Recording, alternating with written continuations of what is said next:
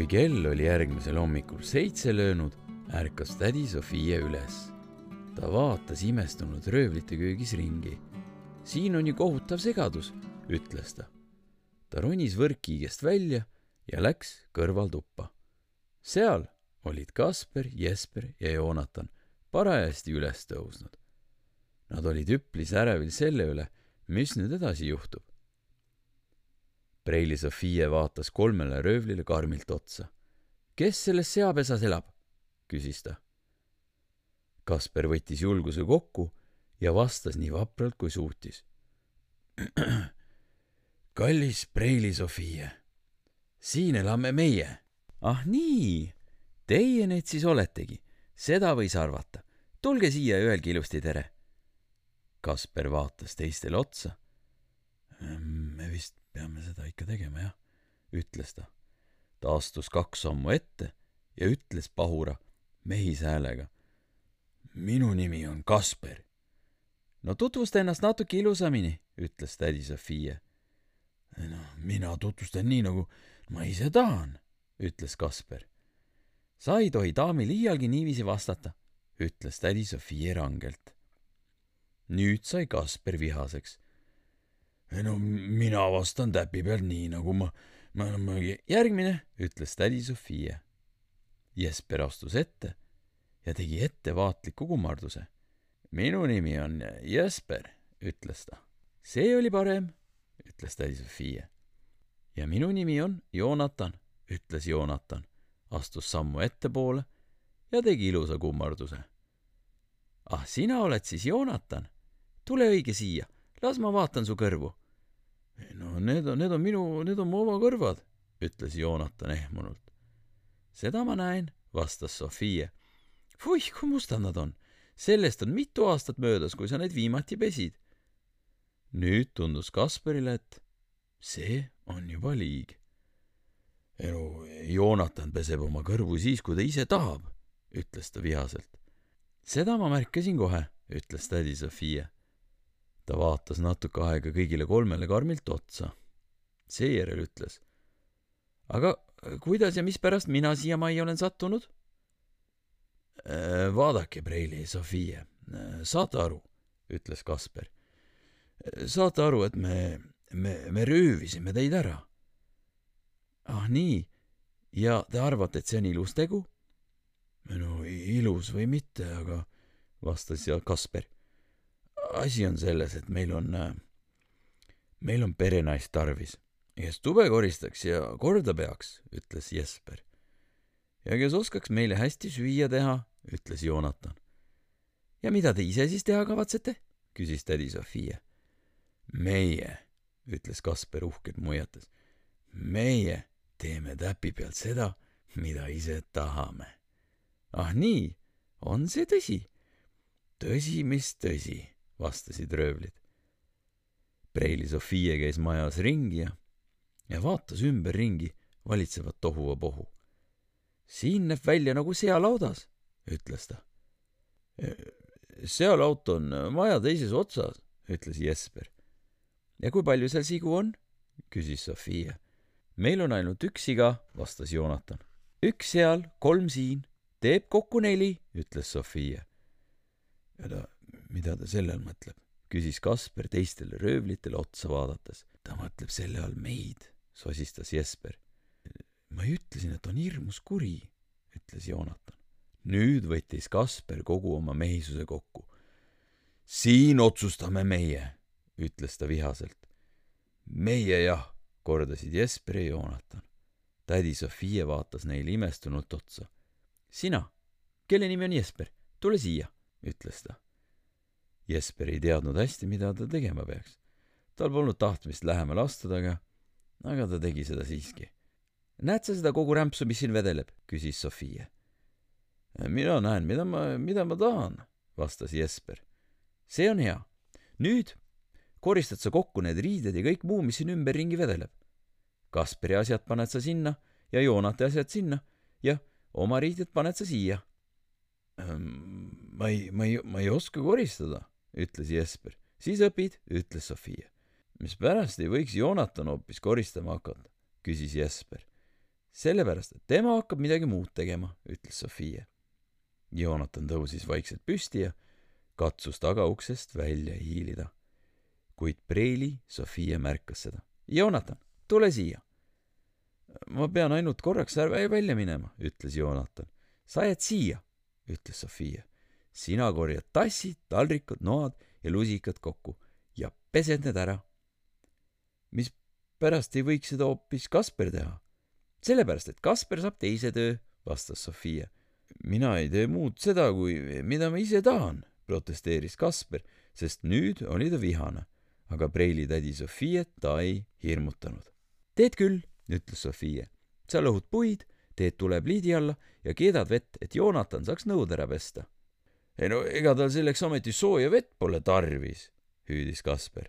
on küll, ütles Sofia ja pärast keedad veel vett juurde sest seda on vaja muuks otstarbeks. Kasper, Jesper ja Joonatan katsusid nii kaua, kui suutsid vastu vaielda. aga ei ütlemine ei aidanud, sest Preili Sofia ütles jah ja seni, kuni nad tööd tegid, kõndis ta ringi ja käis kõigis kolmes toas kontrollimas. ta riidles ja aina kamandas. Kasper kolistas pliidi juures hirmsal kombel ja ta oli, oli vist ennast ära põletanud, sest äkitselt kukkus tal pajagaas põrandale. ma ei saa aru, mida me kogu selle sooja veega peale hakkame, hüüdis ta. Te hakkate ennast pesema, vastas tädi Sofia. näe, pesukauss on siin. ma ei taha ennast pesta, ütles Kasper. ei noh, ütles Sofia, siis ei saa süüa ka. Sa ei või niiviisi lauda istuda, nagu sa praegu välja näed. ja kuigi Kasper seda ei tahtnud, pidi ta pesukaussi vett valama. ja kuigi ta ei tahtnud, hakkas ta end ettevaatlikult pesema. mina õnneks must ei ole, ütles Jesper. ohoh, ütles Sofia, las ma vaatan su käsi. Fuih, las ma vaatan su kuklatagust ka. muidugi, seda ma arvasin. ole hea ja hakka pesema. ja ta andis Jesperile müksu, näidates pesukausi poole. Nüüd oli lõvi kogu selle lärmi peale üles ärganud ja hüppas voodist välja. Jesper andis lõvile märku, et et see tuleks lähemale ja teeks võõrale naisterahvale hirmu. ta lasi lõvil uriseda ja tõukas teda tädi Sofia poole. lõvi sai aru, mida Jesper tahtis. ta möiratas Sofia jalgade juures ja tegi tigeda ja ohtliku näo. aga tädi Sofia laksas lõvile ainult käega vastu kukalt. Kasi minema, kassiroju, ütles ta. lõvi kargus ihmunult tagasi ja kobis häbistunult voodisse, kuna röövlid vangutasid alistunult pead.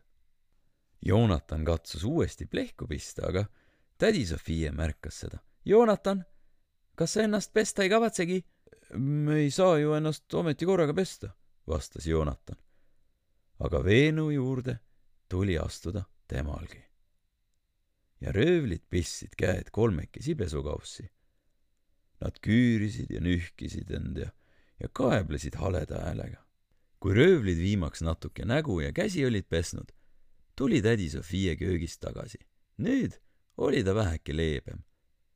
ta vaatas kõigepealt Kasperit, siis Jesperit ja seejärel Joonatani. see on juba parem. nüüd on näha, mis puust te tehtud olete. röövlid ei vastanud, vaid pühkisid end märjast veest kuivaks. ja tädi Sofia läks tagasi kööki. aga uksel pööras ta end ringi ja ütles. ja nüüd võtke saapad ja sukad jalast ära ja peske jalad puhtaks, kuni ma süüa teen. nüüd sai Kasper õige vihaseks. selleks, et lauda istuda, pole ju ometi tarvis jalgu pesta, hüüdis ta. aga keegi ei vastanud talle, sest tädi Sofia oli juba ukse kinni pannud. Ta ei, ta ei kuulnud, ütles Joonatan.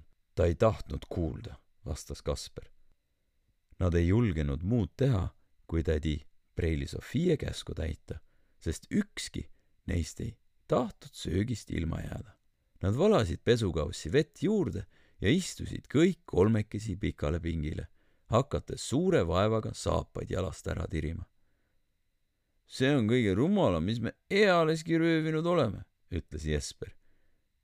Ma ju ütlesin, lausus Joonatan, ma ütlesin, et on ju, et on ju hirmus kuri Kasper tuli ju selle mõtte peale, et meil peaks majas naisteravas olema. jaa, aga Joonatan tuli selle mõtte peale, et me peaksime mõne neist röövima. mina see polnud, kes tädi Sofia peale tuli, õigustas end Joonatan. tal oli peaaegu nutt kurgus. see oli Kasper, ütles Jesper. olgu pealegi, vastas Kasper ärritunult. Ta pistis ühe jala plärtsti veekaussi, nii et vesi pritsis, teised istusid edasi ja olid õnnetud. ma sooviksin, et me jälle üksi jääksime ohkas Joonatan. mina samuti, ütles Jesper. meil oli palju parem elu, kui teda siin ei olnud. siis tuli Kasperile mõistlik mõte. kuulge, ütles ta, võib-olla, võib-olla paluksime, et ta oleks nii hea ja läheks koju tagasi. Seda võiks teha küll, arvas Jesper. siis peab üks teie hulgast seda tegema, sest mina ei julge, ütles Joonatan. mina ajan selle asja joonde ütles Kasper ja võttis julguse kokku, sest tema oli ju kõige vanem. ta tõmbas sukad ja saapad jalga, sammus köögi poole, koputas ettevaatlikult uksele ja tegi selle lahti. tädi Sofia seisis parajasti pliidi juures ja, ja tegi süüa. Ta pöördus Kasperi poole ja küsis, tahad sa vett juurde? ei, ei, ei, ei, vastas Kasper ehmunult. seda mitte. ma, ma, ma, ma taht-, tahtsin midagi öelda ah nii, ütles tädi Sofia ja jäi põnevil ootama, mis see olla võiks. Kasper ütles nii ilusasti, kui oskas. kallis Preili tädi Sofia, kas te ei oleks nii hea ja ei läheks koju tagasi? Ei, vastas tädi Sofia. kui ma juba kord siin olen, siis ma tahan siia jäädagi. ah, sedasi, ütles Kasper maha vaadates Te, te ei mõtle seda ometi tõsiselt? mõtlen küll. oh meid vaesekesi, ütlesid Jesper ja Joonatan eemalt pingilt. Nad olid Sofie vastust kuulnud. Kasper läks, kõrvad lontis oma kohale tagasi, samal ajal kui Sofie jätkas oma toimetusi. sama päeva pärastlõunal seisis Joonatan akna juures ja vaatas välja. korraga ehmatas ta nii ära. oh sa jeerum küll ütles ta. ühed tulevad mööda lagendikku siiapoole, kolmekesi, kepid ja kaikad käes. Kasper astus kähku akna juurde ja vaatas välja. Need on kordnik Bastian ja, ja veel kaks meest, ütles ta. Nüüd läheb asi hulluks, ütles Jesper õnnetult, kuid Joonatan oli väheke optimistlikum. võib-olla, võib-olla tulid nad ainult Preili Sofia järele. kindlasti arreteerivad nad ka meid arvas Kasper. tulge, poisid, peidame ennast nii hästi ära, kui suudame. ja Kasper, Jesper ja Joonatan peitsid end voodite ja kappide taha ära. samal ajal lähenesid kolm meest röövlite majale ja astusid välisukse trepi juurde. seaduse nimel avage, hüüdis kordnik Bastian ja koputas kepiga vastu ust. mis lärm see on? ütles Preili Sofia astus ukse juurde ja tegi selle lahti. väljas seisid kordnik Bastian, vorstmaaker ja pagar, kõigil pikad kaikad käes. see on tõesti hea, et me teid üles leidsime, Preili Sofia, ütles kordnik Bastian. ah nii, ütles Sofia. me tulime teid röövlite käest vabastama, ütles vorstmaaker. ja milleks? küsis tädi Sofia. sellepärast, et röövlid on teid ära röövinud, ütles Bastian sõbralikult. aga nüüd võite te kindla kaitse all meiega tagasi tulla. tänan väga, vastas Sofia. ma jään parem siia, mul on siin hea olla, mulle meeldib teiste korraarmastust õpetada. mehed vaatasid üllatunult üksteise otsa.